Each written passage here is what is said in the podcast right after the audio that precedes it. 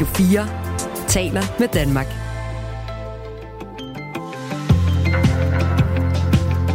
Velkommen til Radio 4 morgen. Ja, velkommen. Den her debat om stor bededag, den har fyldt rigtig meget, og det er på en eller anden måde øh, som om, at den ikke vil dø, den her debat. Om 5-7 minutter, der taler vi med øh, Nick Zimmermann, som er beskæftigelsesordfører fra Dansk Folkeparti. Og han kommer nu med et forslag om, at man skal lave sådan det, der hedder en solnedgangsklausul, altså en udløbsdato på aflysningen af Storbededag, så danskerne igen kan holde fri fra 2027. Altså, vi aflyser den bare i nogle år. Det er Dansk Folkepartis forslag, og det får faktisk lidt opbakning øh, fra andre partier også. Vi taler med Nick Zimmermann om 7-8 minutter. Der bliver om en halv time øh, endnu et skud i debatten om, hvorvidt den enkelte forælder skal have lov at passe børn i sit eget hjem, eller om barnet skal passe i en institution. Det er jo et forslag, som blev luftet af Isabella Arendt fra Konservativ før nyhederne. Øh, endelig skal vi også se nærmere på situationen omkring tog. Katastrofen er det jo nærmest. Miljøkatastrofe er det i hvert fald i Ohio. Der skete for 14 dage siden, hvor et stort udslip betyder, at hele den lille by East Palestine lugter af neglelakfjerner. Fiskene ligger med buen i vejret, og befolkningen stoler ikke på myndighedernes meldinger i øjeblikket. Den øh, situation analyserer vi om cirka 40 minutter med hjælp fra Mads Dalgaard Madsen, tidligere rådgiver ved den danske ambassade i USA. Klokken den er 6 minutter over syv, og her i studiet er Michael Robach og Kasper Harbo. Radio 4 taler med Danmark. Først måtte de gerne vise bare bryster, så måtte de ikke vise bryster. Nu må de så godt vise bryster igen. Øh, på busserne. Midtrafiks bestyrelse har øh, slingret lidt i, i regelsættet på det her felt. Oprindeligt lød det fra Midtrafik, altså trafikselskabet, der driver busdrift i det midtjyske, at nøgenhed er forbudt i alle typer af reklamer. Så præciserede man reglerne. Så nu er det kun nøgenhed i pornografisk sammenhæng, der er forbudt, og det vil sige stripklubber. Det vil man ikke have. Øhm, men der kommer igen bare bryster på busserne, der kører rundt i gaden, blandt andet i Aarhus, når privathospitalet AK Nygard får lavet 23 reklamer til citybusserne i forbindelse med, at privathospitalet genåbner i Aarhus. Maria Teilkamp er marketingansvarlig i AK Nygard. Godmorgen. Godmorgen. Hvorfor er det så vigtigt at have bryster på busserne? Jamen, vores øh, reklamer er jo nogle, vi har kørt siden øh, midt-nullerne, og det er nogen, der selvfølgelig øh, skaber noget opmærksomhed øh, for vores klinik. Det er jo nærmest blevet en, en ikonisk type reklame for os. Så vi vil selvfølgelig gerne blive ved med at, øh, at køre de her reklamer.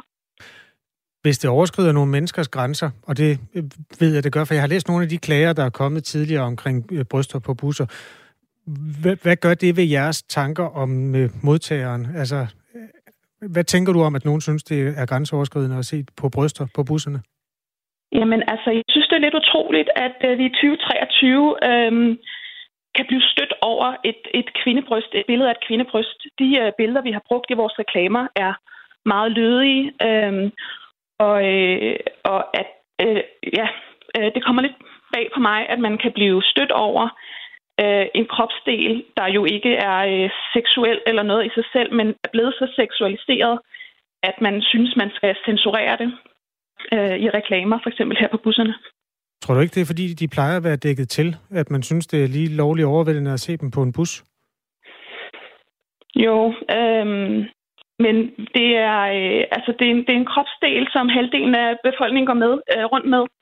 Og, øh, og mandlige brystkasser er jo noget, der, der ikke er samme øh, altså seksuelt blik på. Øh, at også så som kvinde synes jeg, at det er, øh, at man skal have lov til at kunne vise bryster, øh, uden at det, det støder. Og det synes jeg er en ærgerlig retning, vi øh, går, går hen imod, hvis det skal være sådan, at øh, et kvindebryst kan, kan vække anstød på den måde. Øhm, nu er der sikkert forskel for, fra modtager til modtager på, hvordan man opfatter et, et kvindebryst, som man ser for eksempel på stranden eller sådan noget. Men, mm. men det her med at se den på en busreklame, det er jo meget in your face. Nu ved jeg, har du lavet en optælling om, hvor mange mandebrystvorter man ser på, på busserne? Der har jeg ikke lavet en optælling på, men det, det har vi set. Der har været øh, nøgne mande overkroppe på øh, i busreklamerne også. Okay. Øhm, men, men det, det, vi laver, øh, og vores reklamer, der er jo ikke noget seksuelt i det. Vi er jo ikke en virksomhed, der overhovedet laver noget øh, seksuelt. Vi, øh, vi ser på kroppen på en, på en ikke-seksuel måde, og sådan er det også, det er også sådan, det bliver vist i vores reklamer. Men man kan jo godt føle, at ens grænser er overskrevet, selvom det ikke har noget med sex at gøre. Det kan jo bare handle om blodfærdighed. Ja, det er selvfølgelig rigtigt. Men, øh, men, men er det så de, de få, der bliver stødt over det, der skal øh, bestemme, hvad man må reklamere for, og på hvilken måde? Det er jo midt trafik, der skal bestemme, hvad man må reklamere for, og der er man jo altså nået frem til, at jeres i hvert fald er okay. I første omgang lød det, at nøgenhed, som bare bryster, seksuelle billeder og tekst, mm. øh, de blev sådan ligesom bedømt under et, og det var forbudt. Øh, Midt Trafiks administration har siden været ude og præcisere, som det hedder, at øh, nøgenhed faktisk fortsat er tilladt, men det gælder kun den slags, altså forbuddet gælder kun den slags nøgenhed, der kan vække anstød. Bare bryster kan stadig vises, så længe det ikke sker pornografisk. Og derfor må privathospitalet AK Nygaard stadig reklamere med øh, de her bryster. Øhm, samtidig må reklamerne fortsat gerne give indtryk af begær, romantik og fysisk kontakt, men det er så lidt noget andet. Det går jeg jo ikke ud fra, at I arbejder med øh, hos Nygaard. Nej, Nej. Nej overhovedet ikke. Okay. Øhm, i taler jo også om at acceptere kroppen, som den er, og sådan noget. Plastikkirurgi er jo lige det modsatte. Det er jo at lave om på kroppen. Altså, det er jo at tilstræbe den perfekte krop. Hvilke overvejelser har I gjort jer om det? Ja, altså vi synes jo ikke, at vi, vi laver den perfekte krop. Vi ser så mange forskellige kroppe, øh, kroppe og, øh, og med forskellige udgangspunkter og forskellige ønsker, og laver, vi laver også rigtig mange forskellige resultater. Så det her med, at det er en type krop, vi laver, det er slet ikke den virkelighed, vi ser ind hos os. Vi laver større bryster, men vi laver jo også mindre bryster. Øh, vi laver også brystreduktion på mænd. Øh, og vi vil selvfølgelig gerne blive bedre til at vise øh, den her forskellige type krop, som vi ser i, i vores, øh, øh, på vores klinik. Så vi arbejder faktisk også på en busreklame, der viser lidt forskellige typer kroppe, så det giver et, et bedre billede af den øh, virkelighed, vi arbejder med øh, hos Akonivert. Jeg skal bare lige forstå, øh, de kroppe, der, der ikke er perfekte, som ikke skal laves om, viser I også dem? Altså, vi, vi reklamerer med dem, øh, med vores kunder, der har været inde hos os og få lavet et, et indgreb. Okay. Så vi, kom, vi har ikke øh, reklamer med nogen, der ikke ønsker at, og, øh, at få lavet noget. Okay, så det er resultatet efter, I har lavet det om, man får at se? Ja. Hvor er naturligheden egentlig i det? Det er jo så jeres produkt, og ikke naturens produkt. For jeg synes, det var det, du slog et slag for før, at bryster er en naturlighed, øh, som hører halvdelen af befolkningen til. Ja, men det bryster jo stadig en, en naturlighed, selvom der er kommet et implantat ind, eller selvom de er blevet løftet. Så det er jo stadig et, et bryst. Okay.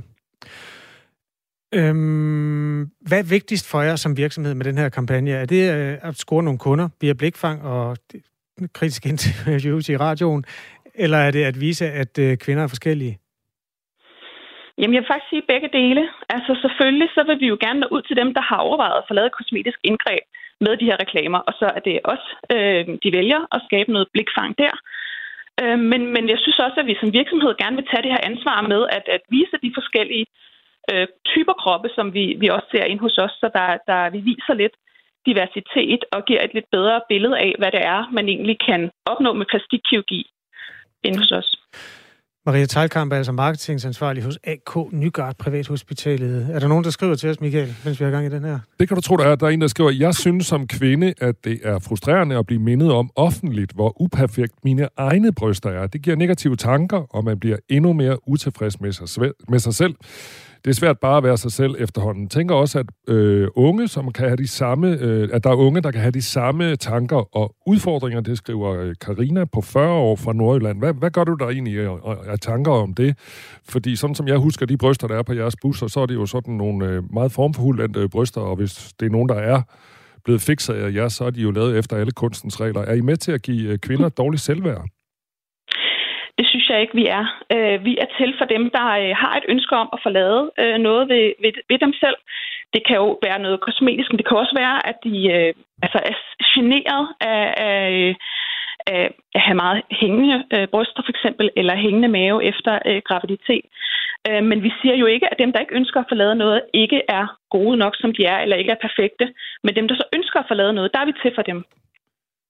Men, men, men er det, har øh, Karina der skriver til os, ikke en pointe, at I kan være med til at give kvinder dårligt selvværd, og så kan man sige, Nå, så hvis man har det, så kan man jo gå hen til jer og få opereret sine bryster, men det er jo ikke en mulighed, som alle har, for det koster nogle penge, og det er jo heller ikke en mulighed, som alle har lyst til.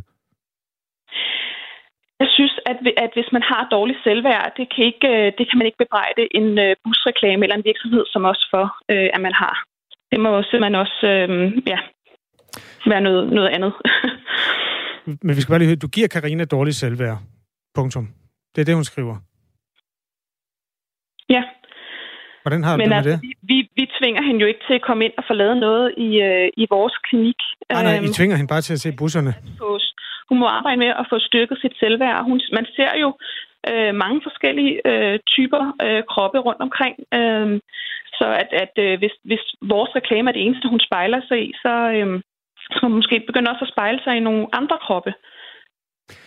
Hvis nu hun ikke er en enlig svale, men et udtryk for, hvordan mange mennesker har det, hvordan har du det så med, at du giver mange mennesker dårligt selvværd med den type reklamer? Jamen, jeg kan ikke se, at, en, at vores busreklame skal øh, have, have øh, et ansvar på den måde over, at, øh, at folk får, får dårligt selvværd. Vores lytter Jesper skriver, at der er mange, der får lavet bryster ud fra et sexfixeret karakter. Ja, det, det er ikke lige noget, jeg kan genkende øh, hos os. Du tænker ikke, det er sådan, der er noget, hvad skal man sige, seksuelt styrkende ved, at man får en flottere krop? Altså, det, det er ikke den type, type kunder, der får lavet det ud fra et, et seksuelt synspunkt, som øh, vi ser øh, hos os. Øhm, brysterne er en, en, en kropsdel, der er vigtig for mange kvinder, men at det skulle være noget seksuelt øh, for dem, er ikke øh, noget, jeg genkender, at vi møder hos os. Mener du ikke, at man er et seksuelt væsen, når man gør noget ud af sin, sit udseende? At har, har, det, har de to ting slet ikke noget med hinanden at gøre? Jo, jo, helt bestemt. Men altså, det, der kan jo, det, det er jo ikke den eneste, eller udelukkende den grund øhm, til, at man får, får lavet brysterne større eller mindre, eller ja, hvad man får lavet. Hvilke andre årsager er der? Jamen, vi ser nogen for eksempel, øh, det handler om femininitet, øh, at man øh, er generet af at have et, et, et tungt bryst, for eksempel, man gerne vil have gjort mindre eller løftet. Øh, der, er, der er mange andre øh, årsager. Vores lytter Kåre, han vil gerne stille et principielt spørgsmål til dig. Nu må du ikke blive provokeret af det, men han spørger, hvis nu det var øh, mænd, der synes, de havde en grim penis, jeg ved ikke, om I laver den type kirurgi, men hvis nu, at man gerne vil have en pænere penis, og vil, kunne, kunne I så finde på at reklamere for det på busserne også? Øh, nej, for jeg synes, der er en forskel på, og i hvert fald med øh, et billede af en, en penis og et billede af nogle bryster. Øh, der er forskel på, på, øh, på, de, på de to ting. Hvad er forskellen? At det er en penis af en, en kønsdel. At det, det øh, tænker jeg ikke bliver godkendt i hos Midtrafik. Nej, det tror jeg sgu heller ikke. Men altså, hvis nu, øh, hvis nu vi går sådan principielt til tankesættet her med, at det er en naturlig kropsdel på halvdelen af befolkningen, ligesom Ja, brysterne. ja. Hvad er forskellen så? Jamen, Jamen, vi vil jo gerne være der for dem, hvis man, hvis man har, øh, er, er ked af noget ved sin krop og ønsker at få øh, gjort noget ved det, og man har muligheden for det. Øh, nu laver vi ikke øh, penis, øh, kosmetisk peniskirurgi hos os, men så vil vi selvfølgelig gerne øh, fortælle, at, at, øh, at der er mulighed for det, og vi kan hjælpe. Og man skal komme ind og få en snak med en kirurg, om, øh, om det er noget for en. Vi taler med Maria Teilkamp, som er marketingansvarlig i AK Nygaard. Øh, Maria, jeg har lige været inde på jeres hjemmeside. I laver en masse andre ting end bryster, øh, men det er mest bryster, vi ser på busserne. Er, altså, gør I ikke lige præcis øh, det her, øh, som du egentlig siger, I ikke gør, at I bruger bryster som blikfang? Altså, hvorfor er det ikke øh, hårfjerningsreklamer og andet mere usekset, I har på busserne? Jamen, bryster er helt klart øh, noget, noget blikfang. Øh, det er også øh, fordi, at vi har kørt de her reklamer i rigtig mange år. Øh, så der er noget genkendelighed ved de her reklamer for os. Men brystoperationer øh, og brystforstørrelser er også vores, altså den mest populære operation hos os, og øh, den mest populære operation på verdensplan, øh, altså kosmetisk øh, operation. Så det er derfor, vi har valgt at bruge øh, den øh, operation øh, til reklamerne. Det er blevet et godt langt interview, det her, Maria Talkamp. Vi skal til at runde af. Øh, vi tager lige, fordi der er også mange, der reagerer på det her. Det er jo dejligt. En forælder skriver, ja. jeg vil ikke have min teenage-søn gå rundt i det offentlige og bliver tændt ved at kigge på bryster. Uønsket. Spørgsmålet er, om I kunne få samme budskab ud, uden at vise bare bryster. er bønden fra en forælder. Ja, øh, jeg synes, hun måske skal snakke med, med sin teenage-søn, at han får et lidt mere afslappet øh, forhold til bryster, øh, i stedet for at skulle gå rundt og blive tændt af sådan en busreklame. Ja. Det kunne man selvfølgelig også prøve, at man kunne lave alle teenage-sønnerne om. Øhm. Vi håber jo, at dem, hvor, at, at, altså, hvor forældrene er bekymrede ved deres børn, når de ser vores reklamer, at de i stedet bruger det som et udgangspunkt på at tale med deres børn om kroppe. Øhm, altså, Øh, fordi det, det er jo ikke den eneste, det eneste sted, deres børn vil blive konfronteret med en nøgen krop. Så brug det som øh, mulighed for at tage den her snak, fordi den er jo vigtig. Tak fordi du var med. Jamen selv tak. Maria Teilkamp er marketingansvarlig altså ved Privathospitalet AK Nygaard, som blandt andet laver kirurgi på bryster og også andre steder på kroppen. Movia er det store trafikselskab omkring hovedstaden. Øh, der kunne man ikke få noget interview, øh, men der må øh, Nygaard faktisk ikke reklamere. Der siger man simpelthen nej tak til bryster. Medtrafik kunne heller ikke være med i et interview. Det kunne ellers være sjovt at finde ud af, hvilke overvejelser man har gjort sig inde i det der maskinrum, fordi der har været slingerkurs. Først var brysterne forbudt, så var de ikke alligevel. Vi har fået et skriftligt svar. Jeg kan godt lige læse det op. Midtrafik har præciseret forbuddet om nøgenhed, så det fremgår tydeligere, at det omhandler tekst og billeder af pornografisk karakter. Det betyder, at der fortsat vil være reklamer med nøgenhed, men ikke af pornografisk karakter. Og så står der, øh, at der vil være plads til fortolkning. Sådan er det. Klokken er 7.21. Tak for sms'eren, der kom ind på 1424. Det her er Radio 4 morgen. Så skal vi til historien, som ligesom ikke rigtig vil dø, fordi debatten om Store Bededag har fyldt meget, og det ser ud til at fortsætte. Nu vil Dansk øh, Folkeparti øh, indføre en særlig klausul for afskaffelsen af Store Bededag, så danskerne igen kan holde fri fra 2027. De vil lave det, der hedder en solnedgangsklausul, altså en udløbsdato på den lov, som det hele handler om. Nick Zimmermann er beskæftigelsesordfører for øh, Dansk Folkeparti og manden bag det her forslag. Godmorgen. Godmorgen. Hvorfor foreslår I egentlig at indsætte sådan en øh, solnedgangsklausul på det her lovforslag om afskaffelse af Storbededag? Jeg troede, I var sådan helt imod afskaffelsen af Storbededag. Jo, men altså, vi er stadigvæk absolut helt imod afskaffelsen af Stor Bededag, og man kan sige, at vores første prioritet er jo også stadigvæk, at enten regeringen trækker forslaget tilbage, eller at vi kunne samle 60 mandater til at lave en folkeafstemning.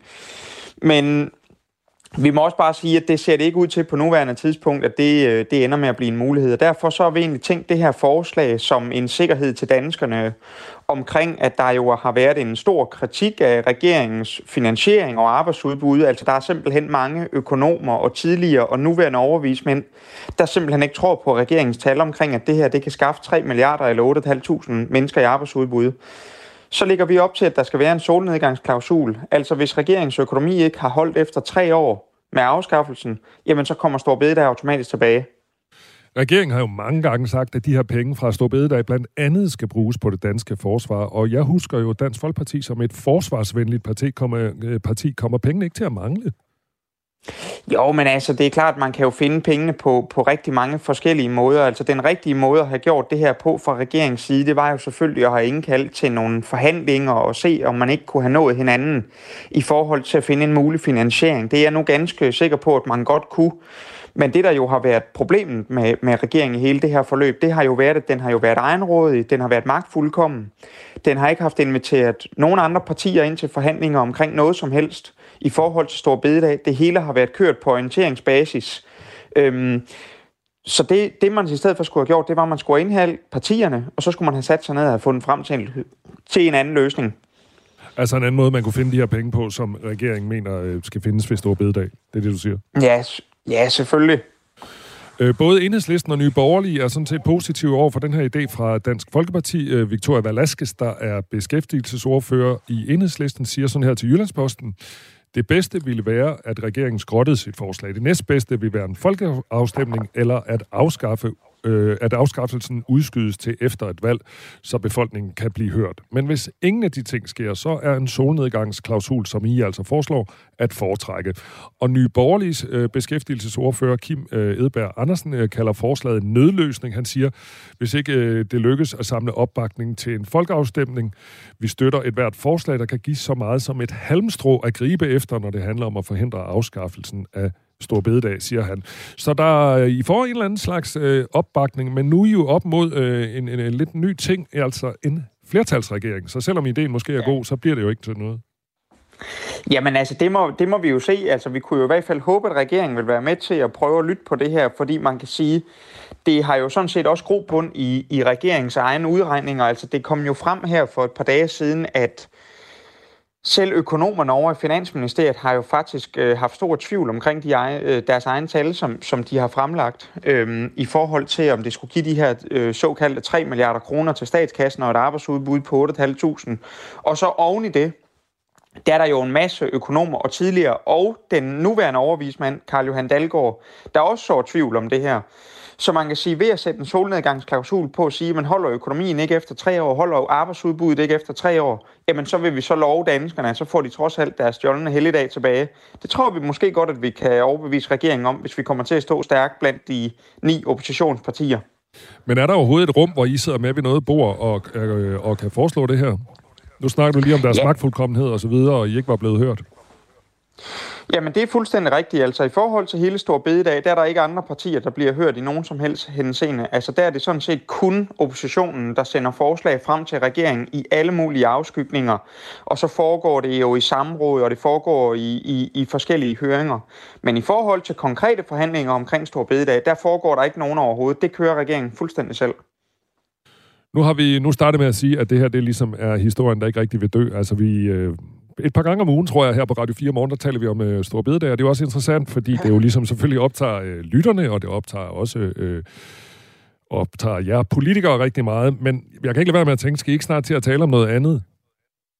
Jo, men det kan jeg da sådan set, det kan jeg sådan set godt forstå, der er, der er nogen, der tænker, men altså, jeg tror nu også, der er rigtig mange, der sidder og tænker, at, at det er nu egentlig dejligt nok, at der er nogen, der kæmper for at bevare deres helligdag. Altså, man skal lige huske på, der er jo næsten en halv million danskere, der har øh, skrevet under på, at vi skal have det til folkeafstemning. Der har været kæmpe demonstrationer rundt i hele landet, selvfølgelig den største inde på Christiansborg Slotsplads. Det er øh, de fem største fagforeninger, der står skulder ved skulder. Øhm, omkring at prøve at få, få regeringen i, i, i dialog og til at snakke. Og så er det altså en masse danskere, der er rigtig, rigtig, rigtig trætte af at miste en helligdag. Så selvfølgelig skal vi også øh, snakke noget andet, men jeg tror lige nu, der er det rigtig vigtigt at, at vise danskerne, at vi er nogen, der vil dem, og så er vi nogen, der ikke vil dem. Men hvad kan du så egentlig love? Altså, fordi I har jo ikke flertal øh, i øh, opposition. Hvad, hvad kan du så love øh, øh, øh, dem, der lytter med her? Hvad, hvad, hvad kommer der til at ske fra Dansk Folkeparti side? Nu har I sagt det her, men hvad kan I gøre? Jamen man kan sige, det er, jo, det er jo den store udfordring, som vi kæmper med i alle henseender, alle os andre ni partier. Det er jo netop, at vi kan jo under ingen omstændigheder få flertal, med mindre at regeringen vil lytte til os, eller med mindre at vi kan, vi kan indgå samarbejder med regeringen. Men det, som vi vil gøre, det er, at vi vil jo stille det her forslag, som allerede nu har opbakning fra et par partier. Øhm, og så vil vi jo håbe, at der er flere partier, der, der melder sig til at bakke det her forslag op. Vi synes jo sådan set, at det er ganske ukontroversielt at sige, at hvis økonomien ikke holder, som regeringen har lovet, og hvis det arbejdsudbud, som regeringen har lovet, ikke holder, jamen så kommer Stor Bededag selvfølgelig tilbage. Så lød det for Nick Zimmermann, der er beskæftigelsesordfører for Dansk Folkeparti. Tak fordi du var med her. Tak. Hej hej. Hej. Radio 4 taler med Danmark. Kan du høre, hvad det er? Det lyder som en baby, der græder. Der tager du fejl, min ven. Det er pattedyr. Er det en kat? Ja, det ved vi jo i vores dage, at det er. I gamle dage tænkte man, er det en dæmon? Okay. Er det mund en dæmon? Altså katten. Ja. Katte er søde, synes rigtig mange mennesker. Øh, men de kan jo simpelthen sige de mest hæstlige. Det her det er fra øh, en YouTube-video, øh, ja. hvor der er en team Angry Cats uafbrudt. Ja. Øh, jeg gik lige en to. Det er fordi, øh, det er jo øh, på søndag, man skal slå katten af tønden. Ah. Og det er en skik, der bunder i, at man i gamle dage tænkte, det, det må sgu da være dæmoner. Prøv at høre dem. Øh, så man puttede to, eller nogle gange en, nogle gange to, ned i en tønde. Og så bankede man løs på tønden, indtil katten faldt ud. Og den, hvor katten faldt ud, var jo så kattekongen. Som du ved. Det lyder jo fuldstændig vanvittigt og voldeligt. Ja, men det, tror du, det kommer af ingenting, det udtryk, det hedder? Nej, nej, nej, nej. Jeg, jeg tror godt, jeg har, jeg har hørt historien før, men Ja. øh, jeg, ved, jeg kendte den ikke så godt, som du nu øh, fremlægger den der. Dengang var det jo øh, sådan kirken, der var lokal myndighed, og faktisk også kirken, der stod for skatteinddrivelsen øh, i mange sovne. Og der var det jo sådan, at... Gud, hvor er de forfærdelige at høre på. Ja. Øh, der var det faktisk sådan, at men, hvis du blev kattekonge, så øh, slap du for at betale skat i et helt år. Simpelthen fordi du på en eller anden måde havde været med til at uddrive noget djævelskab fra sovnet. Sådan, altså, jeg blev faktisk kattekonge til fastelavn sidste år. Der fik jeg en paphat og en halv fastelavnsbold. Jeg blev hellere været skattefri et helt år. Ja, det kunne du... Og der var vel heller ikke nogen levende kat i? Nej, der var slik og appelsiner. Det gik man, man gik væk fra det en gang i 17-18 stykker. Når det skulle være rigtig festligt, så tog man to katte og bandt deres haler sammen i øvrigt. Men det var også en anden tid. Det var vist en anden tid. Ja, det er altså på søndag, og der er jo et tyndeslagning i Skærncenteret allerede i eftermiddag. Klokken 15. Du skal komme udklædt. Klokken er halv otte. Nu er der nyheder på Radio 4. Sæt havemøblerne ind og spænd trampolinen fast, sådan lyder nogle af rådene fra flere forsikringsselskaber, der er i gang med at hæve beredskabet, inden stormen Otto rammer landet. Top Danmark oplyser, at de har sendt sms'er til 100.000 kunder med varslinger om dagens storm. Det er jo en måde også, hvorpå de let kan undgå nogle af de skader, som man faktisk har indflydelse på. Det siger Helene Ibsen, som er boligchef i Top Danmark. SMS'erne indeholder den lokale vejrudsigt og råd til, hvad man selv kan gøre for at komme stormen i forkøbet. Der kan man jo meget let selv sørge for at få lukket det ind inde i et skur, eller i hvert fald sat helt fast op af huset. Så er noget så simpelt som at sætte en cykel ind, så den ikke vælter over i bilen det øjeblik, det stormer. Det har vi faktisk også set en del skader på. Både Top Danmark, men også GF Forsikring og Almindelig Brand oplyser, at man øger beredskabet i forbindelse med stormen. DMI forventer, at dagen starter med regn, inden at blæseværet tager til senere på dagen. Stormværet ventes at aftage sidst på aftenen og natten til i morgen. Det er særligt Nordjylland, Djursland, den vestlige del af Midtjylland, Bornholm og Nordsjælland, som står til at blive ramt af Otto. Der bliver nu sat arbejdspladser og kroner og øre på, hvad det vil koste det danske samfund, at Energistyrelsen har sat sagsbehandling af havvindmølleprojekter og øvrige projekter under åben dørordningen i bero. Det skriver erhvervsmediet dibusiness.dk. Beregningerne er foretaget af revisionsgiganten KPMG og viser, at de eksisterende knap 16,4 gigawatt ansøgninger under åben dørordningen har potentiale til at skabe job, svarende til lidt over 62.000 årsværk under deres konstruktion, og knap 10.000 årsværk, mens de er i drift. De mange job risikerer imidlertid aldrig at blive til noget, hvis sagsbehandlingen af åbendørprojekterne dør-projekterne ikke hurtigt bliver genoptaget. Det er voldsomme tal, og det er vel at mærke tale om potentielle job spredt i hele Danmark. Det viser med al tydelighed, hvorfor det er så vigtigt, at der hurtigt findes en løsning, så de mange gode projekter under åben dør-ordningen kan komme videre, siger Lars Sandal Sørensen, der er administrerende direktør i DI. For vi ikke hurtigt sat gang i sagsbehandling af åben dør-projekterne igen, risikerer det danske samfund at gå glip af kæmpestore gevinster og en unik chance for at skabe grøn energi til millioner af husstande i Danmark og Europa. Hvis vi vil have en reel grøn omstilling i Danmark og løse klimakrisen, så skal der findes løsninger hurtigst muligt, lyder det altså fra Lars Sandal Sørensen. Tidligere næstformand for EU-parlamentet Eva Kaili og tidligere EU-parlamentariker Antonio Panzeri skal forblive varetægtsfængslet i en sag om mulig korruption, det har en domstol i den belgiske hovedstad Bruxelles besluttet. Også det belgiske medlem af Europaparlamentet, Mark Tarabella, skal forblive varetægtsfængslet. Det bekræfter en talsperson for anklagemyndighedens kontor. Skandalen blev første gang kendt i december, da grækeren Eva Kaili blev anholdt i sagen. Hun var på det tidspunkt en af de 14 næstformænd i Europaparlamentet. Også den tidligere italienske EU-parlamentariker Antonio Panzetti og to andre blev anholdt i december på mistanke om korruption, hvidvask af penge og medlemskab af en kriminel organisation. Intet tyder på, at de tre uidentificerede luftobjekter, som er blevet skudt ned over USA, er blevet brugt til spionage, det siger USA's præsident Joe Biden. De tre objekter er formentlig sendt i luften af private selskaber eller forskningsinstitutter. Det tyder de forløbige efterretninger på, siger Biden i en tv-tale. We don't yet know exactly what these three objects were, but nothing, nothing right now suggests they were related to China's spy balloon program.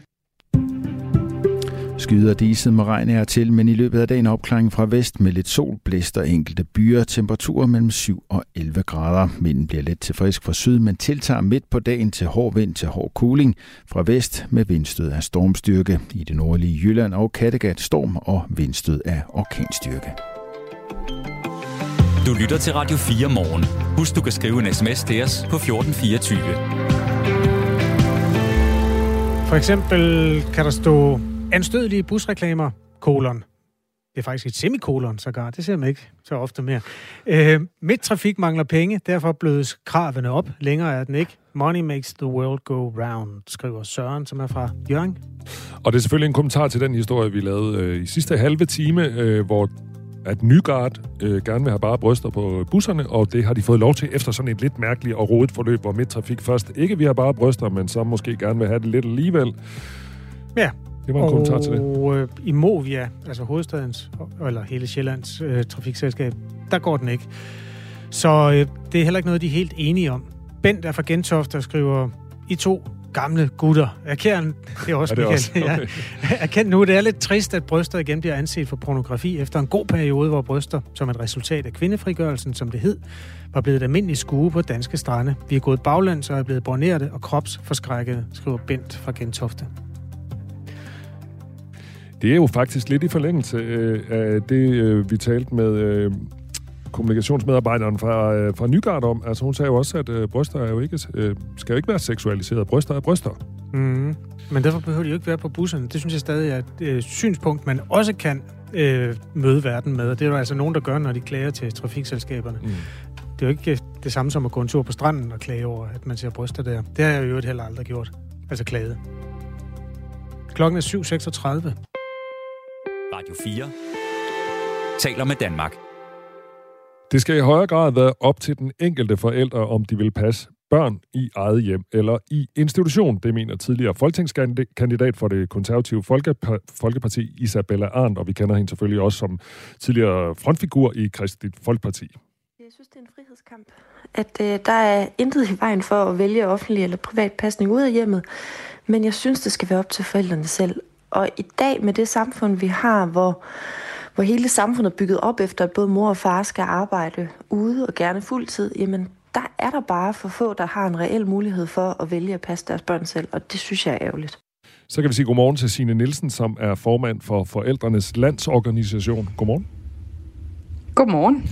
Det lyder som en meget god idé, det her med, at man skal have mulighed for selv at vælge pasning til sine børn. Ja, og det kan man sige, det har man jo i dag. Problemet er bare, at det ikke er alle steder, man får penge for at passe sine børn derhjemme. Mm. Så du synes, det er en god idé, hun kommer med, øh, Isabella Arendt? Altså, det, det jeg har udfordringen med den idé, det er jo, at pengene skal komme et sted fra, og de kommer som regel desværre allerede fra de dagtilbud, hvor de andre, altså hvor os, som går på arbejde, vælger at få passet vores børn. Og det hænger bare ikke sammen, fordi de dagtilbud må ikke blive dårligere, end de er i dag, for så vil der være endnu flere, der vælger dem fra og vælger at gå hjemme. Så det må ikke blive sådan, at dem, der vælger at gå hjemme og passe deres børn, de gør det, fordi dagtilbudene er for dårlige. Det skulle gerne være så, at man gør det, fordi man har lyst til det. Så lad mig lige prøve at opsummere. Du synes, det er en dårlig idé, at man skal få, ja, altså få, synes... få penge for at passe sine egne børn derhjemme? Altså det, vi har sagt i Fogler, det er, at det er ikke sådan helt vores kamp i hvert fald. Og det, man kan sige, det er, at vi går i hvert fald ikke ind for, at pengene skal følge barnet, fordi så ved vi, at det går ud over dagtilbudene, som det er i dag, og dem er vi nu engang afhængige af for at have et velfærdssamfund. Men hvis pengene ikke skal følge barnet, hvordan skal man så få nogle penge, hvis man har valgt at gå derhjemme, i stedet for at sende sit barn i vuggestue? Altså noget af det, man jo kunne kigge på, kan man sige, det er for eksempel at forlænge barslen, fordi vi lige nu mangler pædagoger. Øh, så vi mangler faktisk folk til vores dagtilbud i de små år. Og der kunne man godt kigge på at give forældrene den mulighed for at forlænge deres barsel, så de faktisk havde to år til at gå hjem og passe deres barn. Man kan jo også vælge at gøre det selv. Altså det kan man jo i dag. Der er jo rigtig mange, som vælger det, fordi det er så dyrt at have barn i en vuggestue. Så siger jeg, at de penge, dem, øh, dem behøver jeg ikke tjene ind eller bruge på i en vuggestue. Så vælger jeg faktisk bare at gå derhjemme og passe mit barn selv. Der er jo mange, der gør det i dag. Men er det ikke en uretfærdighed, når nu, øh, når man sender sit barn i vuggestue eller børnehave, så kommer der nogle penge med det. Man betaler jo ikke det fulde beløb selv som øh, forældre. Er det så ikke uretfærdigt at så sige, at hvis du har lyst til at passe dit eget barn, så får du ikke nogen penge. Det må du lige selv lægge råd med. Jo, det kan man godt sige. Og jeg har egentlig heller ikke man kan sige, det vi siger, det er bare, I må ikke tage pengene for den pulje, der går til dagtilbud, fordi så bliver de for dårlige i forvejen. Og den store forskel er jo også, man kan sige, du betaler jo heller ikke skat det øjeblik, du vælger at gå derhjemme. Så du bidrager heller ikke til det velfærdssamfund. Og det, man kan frygte også, det er, at det er personalegrupper, som vi mangler rigtig meget ude på arbejdspladserne, sygeplejersker, pædagoger og lærere, er nogle af dem, som også som regel ofte kan vælge at hjemmepasse. Og det har vi ikke rigtig råd til i PT, så man er nødt til at lave en større kig på, hvad er det, vi vil med den her familiepolitik. Hvis det er den vej, man går, hvad er det, det vil betyde, og hvad har det af konsekvenser? Ifølge Isabella Arndt, så er det også sådan et lidt mere, tror jeg, et mere ideologisk opgør, altså om at give kvinder og mænd og mødre, øh, mødre og fædre friheden til selv at vælge, hvor de vi mener, at deres barn har det bedst, altså derhjemme eller en institution. Giver det ikke meget god mening altså at kigge på sit barn og sige, jamen jeg tror egentlig, det har det bedst, hvis det bliver herhjemme hos mig, i stedet for at være i en institution? Jo, og det kan det sagtens gøre, men den mulighed har du jo også i dag. Du får bare ikke staten til at betale for det. Altså man kan sige, hvad er det, der gør, at staten skal betale for, at du går hjemme og passer dine børn. Øhm, det, det det er- kan der være en god grund til, hvis man peger på, at det er bedre for barnet, men et eller andet sted må vi jo kigge på, hvad er det, vi gerne vil bruge vores skattekroner til. Og der synes du, det er bedre at bruge dem i en institution, end, end, at, end at sige, jamen dem kan du bruge derhjemme. Man kan sige, at det er i hvert fald en nødvendighed, at de er en institution, hvis vi gerne vil have, at der er nogle læger eller sygeplejersker eller pædagoger på arbejdsmarkedet, også som skal have passet børn en gang imellem. Ifølge Bubel, som altså er Børne- og Ungdomspædagogernes Landsforbund, øh, deres fagforening, så var der sidste år en akut mangel på 4.000 pædagoger i de danske daginstitutioner. Og ifølge en fremskrivning, så, øh, som er lavet noget, der hedder øh, Damvad Analytics, øh, der er lavet for danske professionshøjskoler for to år siden, vil der i 2030, altså om syv år, mangle knap 14.000 øh, pædagoger. Når der nu er mangel på hænder i institutionerne, er det så ikke en meget god idé at sige, jamen altså, hvis du kan passe øh, barnet derhjemme, øh, så, så gør der endelig det, og så får du nogle penge med til det. Jo, og det har vi jo også været ude at sige nu her, kan man sige. Altså, at de perioder, hvor det er, at det, og det har man gjort i nogle kommuner, blandt andet København, at de perioder, hvor de mangler pladser til børn eller mangler personale, så har man faktisk åbnet op for, at man får betaling for at passe sine børn derhjemme, fordi så kan man sige, at kommunen lever så ikke op til samfundskontrakten. Men man skal bare passe på ved at gøre det generelt, og man skal kigge på, hvad det er, det har af konsekvenser. Fordi det vil få konsekvenser. Vi vil mangle endnu flere på det arbejdsmarked, som vi står og higer efter flere arbejdskraft ud til lige nu. Og så skal det være, fordi forældrene ønsker det, og simpelthen ikke, fordi dagtilbudene er så dårlige, så ingen har lyst til at aflevere deres børn der. Tak skal du have, Signe Nielsen. Det var så lidt. Og Signe Nielsen er altså formand for Forældrenes Landsorganisation. Det er super fint at passe sine egne børn hjemme, men det må da være for egen regning. De bedste hilsner fra Søren. Øhm, en anden Søren skriver, ideen med at lade penge følge barnet er sympatisk, men vi risikerer, at mange børn, som burde have luftforandring, kommer til at gå hjemme. Det er blandt andet et kæmpe problem, hvis børnene og forældrene ikke taler dansk, påpeger den ja, Søren nummer to. Og det er vist det, der er kommet ind på den. Nummeret er 1424, hvis du har inputs eller kommentarer eller erfaringer, der hører hjemme i slipstrømmen på de nyheder, som vi belyser her i Radio 4 morgen. En præsident. We choose to go to the moon, not because they are easy, but because they are hard. To skud. Og 60 års konspirationsteorier. CIA har jo en mormanual, og den måde, de foregik på, det er lige efter manualen. Krimiland vender hver en sten i Kennedy-mordet. Hvis jeg havde været CIA-mand dengang, så havde jeg sgu skudt Kennedy selv. Du finder podcasten i Radio 4's app. Radio 4 taler med Danmark. Allan, Bodil, Karl, Dagmar, Egon, Freja, Gorm, Ja. Helga, Mm. Ingolf, Johanne, Knud. Er du med? Ja, fuldstændig. Vi har Greve Ingolf fra øvrigt fødselsdag i dag. Nå ja, det er også rigtigt. Men, Det er øh, men, men, men ved du, hvad det var for noget? Jeg Ja, nævnte? stormende, ikke? Det er nemlig rigtigt. Altså, øh, i vores barndom, der kom der jo bare en storm. Der havde de jo ikke navn. Nej, ikke som sådan. Øh, de fik det efterfølgende, hvis de var slemme nok. For eksempel, øh, hvad kaldte man den der januarstormen fra øh, 1998 eller sådan noget. Nå? Ja, det, Så- det var den helt slemme. Den var virkelig, virkelig, virkelig styg. Men ellers så... Nej, man navngav dem ikke på forhånd. Det gjorde man først fra, øh, fra 2000 og... Nu sidder jeg lige og kigger i mine noter. Nå, men det, I hvert fald så var der en øh, storm øh, 28. oktober øh, 2013, og den havde, engelsk, den havde et engelsk navn, den havde et tysk navn og et svensk navn, og det gav en masse forvirring om, om det var tre storme, der kom til Danmark, eller om det kun var en, fordi i andre lande, der var man begyndt at navngive stormene. Øh, og øh, det betød altså, at Martin Lidegaard, der dengang var energi- og klimaminister, øh, talte med Danmarks Meteorologiske Institut om, at vi også skulle navngive stormene herhjemme. Og øh, den første storm, der blev navngivet, det var Allan. Ja, selvfølgelig. A. Ja, præcis. Ja. Øh, og det var den 28. oktober øh, 2013. Så den første storm, der havde et navn, øh, det var altså Allan, og den blev faktisk øh, navngivet i øh, selskab med Ekstrabladets læsere. Siger måske noget om, hvor gamle de er, når de synes, Allan var det fedeste navn. Ja, det kan da godt være. øh, Bodil, var det den næste? Nu tænker Øh, jeg bare B. Yes, og så skal det nemlig gå på skift. Altså, øh, mand, Og Bodil var jo slem, faktisk. Den Ja, Bodil var rigtig slem. Der var vindstød op, på, op til 57,4 meter per sekund øh, med Bodil. Og så er der også nogle regler for, hvordan øh, de her øh, storme skal navngives. Ja. Der er tre kriterier, så, kriterier som øh, DMI, altså Danmarks Meteorologiske Institut, har sat op. Det skal fungere i mediernes overskrifter, og derfor må der maksimalt være tre stavelser. Mm. Det skal være nemt at udtale, Ja. og så skal det være ligefremt at stave, og desuden så skal stormens navn øh, fungere på sociale medier. Jeg har undret mig meget over, hvor de navne kommer fra, for jeg synes, det er nogle relativt godmodige navne, man vælger til noget, der tit er rigtig ubehageligt. Altså navnet Otto står for mig også sådan indbegrebet af noget rart og godt. Både fordi jeg så meget fjernsyn med Otto Leisner i min barndom, men også fordi øh, jeg kender mange små børn, der hedder Otto. Men det er DMI, der navngiver dem, ud fra de her kriterier. Okay. Og i dag er det altså Otto, der ja. kommer øh, hen, og øh, vi talte med en meteorolog tidligere i morges, og det er sådan hen over middag ved 14-tiden øh, går den i land op i Nordjylland og Vestjylland i første omgang, og så fejrer den hen over landet i løbet af dagen. Min pointe er bare, at man skulle tage nogle lidt under navne, når det nu ah. er onde vejrfænomener. Altså Adolf for eksempel, som ikke rigtig bliver brugt til almindelige drengenavn for tiden. Nej, det har man vist i fred. Ja. Nå, men det var bare et input herfra til ja. DMI og de andre. Otto kommer klokken 15, eller 14.30. Ja, det er omkring. Ja, og vi belyser i øvrigt også, hvad Otto kommer til at betyde for kollektiv trafik og alt muligt andet her i... Er det kvart over 8, tror jeg, vi prøver at belyse, hvad det betyder for tog og færgetrafik, og generelt, hvad det egentlig er for et vejrfænomen, der rammer os, når den tid kommer.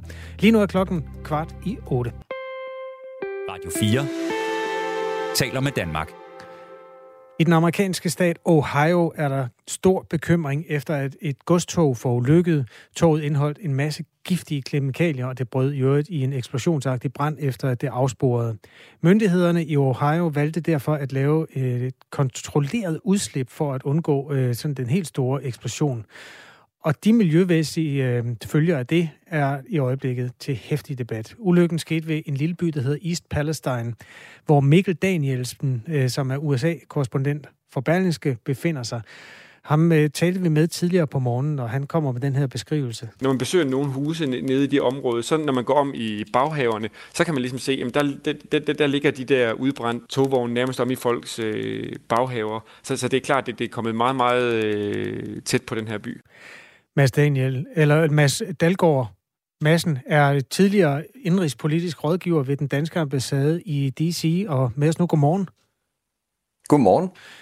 Du befinder dig jo altså i Danmark, men kan følge debatten på det her felt. Hvor, hvor meget taler man om det her i USA lige nu? Ja, det er det, der har været så bemærkelsesværdigt ved den her historie, det er, at da den foregik, da det her tog forulykkede, og man begyndte at lave de her kontrollerede afbrændinger af, af de her kemikalier, så talte man egentlig utroligt lidt om den her historie i USA, sådan bredere i, i befolkningen. Og det var jo nok, fordi historien øh, blev lidt overdøvet af, af flyvende ballonger og tal, snak om aliens og Kina, der vil angribe USA's luftrum, samtidig med Super Bowl var i gang osv. Øh, så den fik utrolig lidt omtale sådan i USA. Men nu er den begyndt at komme igen, fordi man begynder at tale om, hvor lidt man har talt om den. Øh, så, så derfor er det begyndt at blive en historie i sig selv, at den ikke fik den opmærksomhed, som den måske egentlig burde have. Noget tyder i hvert fald på, at det er en større miljøkatastrofe, end man umiddelbart meldte ud fra de lokale myndigheders side. At vores, øh, altså den øh, Mikkel Danielsen, som vi havde med tidligere, USA-korrespondent hos Berlingske, beskrev, hvordan hele byen simpelthen lugtede af neglelak fjerner. Og nogle mennesker har fortalt om kæledyr, der er døde. Fiskene svømmer med maven opad, som man siger, i, i de lokale vandløb. Altså, der er, der er et eller andet, der, der ikke, altså man kender ikke det fulde omfang simpelthen af det her. Og så tager konspirationsteorierne jo fart, fordi dækker myndighederne over noget. Hvilke jagttagelser har du gjort dig øh, omkring den side af sagen? Det er jo netop det her med, at når man ikke rigtig begynder, når man ikke rigtig taler om noget, så begynder konspirationsteorierne at løbe, og, og hvad hedder det, de begynder at koble den her historie med, øh, med det her kemikalieudslip sammen med historien om øh, de her ballonger eller UFO'er, øh, der fløj hen over Nordamerika for, øh, for en uges tid siden. De to historier er ligesom blevet koblet sammen lige nu. Og konspirationsteorierne lyder på, at myndighederne har sendt de her UFO'er op for at distrahere den amerikanske befolkning fra den rigtige historie, som er netop den her kemikalieudslip. Man er så også begyndt at connecte sammen med andre øh, forulykkede tog, der har været i andre stater. Så man begynder altså at lave den klassiske konspirationsteori, hvor man, hvor man sætter to historier sammen, og så skaber et narrativ, øh, som der typisk har et eller andet at gøre med den føderale regering.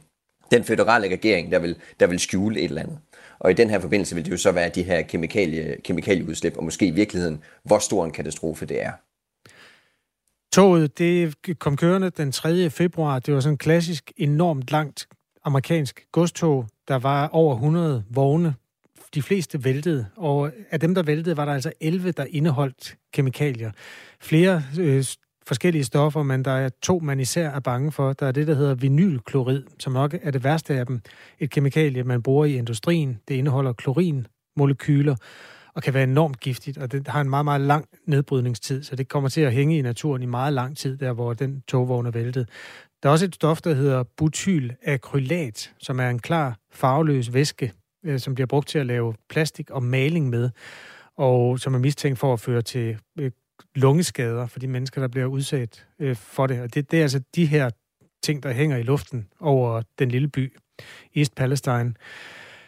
Øhm, efter ulykken har der været rapporter om øh, altså døde fisk og så videre, og myndighederne siger, der er styr mm. på det. Hvad er dit indtryk? Øh, mit indtryk er, at, at man, altså, ja, altså, i forhold til myndighederne, så mener man jo, at man har, øh, hvad hedder det, fået styr på det her på den korte bane. Altså, for eksempel drikkevandet er, øh, er der blevet åbnet op for igen i East Palestine. Men der er ikke, øh, der er ikke meget tiltro til øh, myndighederne, især ikke hos den her lokale befolkning, øh, fordi de mener, at man simpelthen har håndteret det for dårligt. Og der er det, det bringer minder til øh, det, der hedder øh, The Flint Water Crisis, altså i en by i Michigan, hvor myndighederne også anbefalede, at man drak øh, vandet, men det viser sig, at det vand det var fyldt med bly, fordi man ikke havde, øh, man ikke havde ordentlig vandinfrastruktur. Øh, fordi man skiftede til, fra et vandreservoir til et andet, og det blev en enorm katastrofe, det her Flint Water Crisis, der gjorde, at en, en større by i East Palestine ikke rigtig kunne drikke deres vand i en årrække. Og det blev et eksempel på, hvordan øh, myndighederne nogle gange håndterer de her ting meget, meget dårligt. Øh, så der er rigtig mange referencer til Michigan og Flint lige nu, der gør, at øh, befolkningen har meget lidt mistro, eller meget lidt tro til øh, myndighederne øh, på den her front. Så øh, myndighederne siger, der er åbnet op, men øh, lokalbefolkningen, og det hører I også Mikkel sige der, øh, tror ikke på øh, myndighederne, som det er lige nu. Vi kan lige tage et klip, hvor han beskriver øh, det, der, øh, der, der sker på de kanter. Myndighederne har været langsomme til at øh, melde ud, og det, de har fortalt, kan sagtens vise sig at, at være rigtigt, men det lyder underligt, når man sammenligner med de billeder, man ser, når man sammenligner det med øh, den lugt, der er her i byen. Og så der er ligesom opstået det her vakuum for konspirationsteorier. Vil du ikke lige, øh, Mads, prøve at beskrive, hvad det er for et sted, det her foregår? Altså Ohio, man taler om rustbæltet, det er også et område, hvor arbejdsløsheden er stor, og om tilliden til myndighederne er, er lille. Vil sige noget mere om, om det område, altså hvordan man, hvad tankesættet er omkring øh, myndighederne og yeah. præsident Biden, for så vidt også? Og det er lige præcis her, hvor præsident Biden og demokraterne, eller måske i virkeligheden øh, hvad hedder det, præsident, øh, politikere med præsidenter i maven skal holde øje her, fordi Ohio er en utrolig vigtig stat på sådan nationalpolitisk i USA. Den er en del af, af det, vi kalder rustbæltet netop, altså rustbæltet, som er Pennsylvania, Ohio, Michigan, Wisconsin, altså det gamle industricentrum i USA, hvor den amerikanske middelklasse på mange måder blev opfundet. Grunden til, at man kalder det rustbæltet nu, det er jo netop, at øh, arbejder, øh, arbejdspladserne er rykket ud af, af det her område. Mange mener, at de er rykket til Kina, de, eller også er de blevet automatiseret væk. Og befolkningen står ligesom tilbage her med, med høj arbejdsløshed, der er øh, opioidepidemi osv. De føler sig i virkeligheden glemt af de rige kyster, øh, de her, øh, den her region i USA. Øh, så hvis den her historie, den, den ligesom bliver ved, og, og myndighederne ikke håndterer det her ordentligt, så bliver det bare endnu et datapunkt, som de folk i det her område mener, øh, eller bruger til at bevise, at de er det glemte folk i USA. Og hvem var det netop, der udnyttede den, eller opdagede den bevægelse, jamen det var Donald Trump i 2016. Man kalder også 2016 for den glemte, det glemte mands valg. Eller den glemte mands valg netop. Fordi Donald Trump han ligesom sagde det her med, kysterne har glemt jer herinde, men jeg håndterer jeres problemer. Og det kan man jo sige, det er jo meget vigtigt, at, at når man har observeret en bevægelse som sådan en her, hvor Donald Trump udnyttede den og blev præsident, jamen så er det meget vigtigt, at hvis man ikke skal have en gentagelse af det, at man så håndterer sådan nogle sager som den her anderledes. Så en sag som den her, den kan, den kan have store øh, nationalpolitiske konsekvenser, hvis den bliver ved, og den bliver, man bliver ved med at håndtere den på så dårlig en måde, som man har gjort her. Vildt, at Netflix lavede en film om det kort inden, skriver en af vores lyttere til os, med et øh, sådan konspiratorisk øh, blik i det ene øje i hvert fald. Jeg ved ikke, hvad det er for en det, film, det, Netflix har lavet. Ja, det ved jeg nemlig godt. Nu kan jeg ikke lige huske navnet, men for et år siden, der lavede Netflix en film øh, om en togulykke med kemikalier ombord, der får lykket i en stat, der, eller i en, i en mindre by som den her. Og der i den film, der bliver der også blandet, øh, hvad hedder det, aliens og så videre ind i, eller sådan, hvad kan man sige, mystiske, X-File-agtige omstændigheder ind i, øh, ind i det. Og, og den, er, den, den bliver omtalt igen og igen, den her film, som, øh, som hvor, hvor sammenfaldet er utroligt med virkeligheden. Altså, man kan sige, Hollywoods fortolkning her er utroligt, at det, det rent faktisk skete i virkeligheden. Samme lytter skriver en sms mere. Er det ikke en gammel nyhed? Nyheden er i virkeligheden, hvorfor det her har fået så lidt dækning. Det er også en lidt konspiratorisk tilgang, som, hvor hvis jeg lige skal svare på Radio 4's vegne, så vil jeg sige, at det er ikke alle væltede togvogne i USA, vi, vi dækker. Og den er jo også øh, på den måde sådan en mild katastrofe ved det, at der ikke er nogen mennesker, der er døde endnu. Øhm, så det, vi har ikke sådan valgt den fra, fordi vi prøver at dække over noget fra vores vedkommende. Men det er måske det, som noget af tankesættet er gjort af også i USA, Mads Dahlgaard Madsen. Det er det nemlig lige præcis. Det, historien her er, hvorfor det ikke blev en historie. Det er, det, og det er også derfor, det er rigtig godt, I dækker den, fordi det er vigtigt, at den her historie, den, den, bliver, den kommer ud, så den her lokalsamfund ligesom får en eller anden form for retfærdighed. Øh, det, igen vil jeg lave parallellen til, til Michigan, i, i Flint, øh, Michigan, hvor de også havde enormt bøvl i starten med at få national opmærksomhed på den øh, miljømæssige katastrofe, det rent faktisk var. Så det her, det er en historie, der har sin berettigelse. Øh, men, og der er så, så altså, man kan jo så kritisere, altså, det er jo ikke givet, at konspirationerne er rigtige osv., men det er nok i virkeligheden. Konspirationerne opstår i virkeligheden, fordi at den ikke er blevet dækket, som en normal historie af det her omfang vil blive dækket.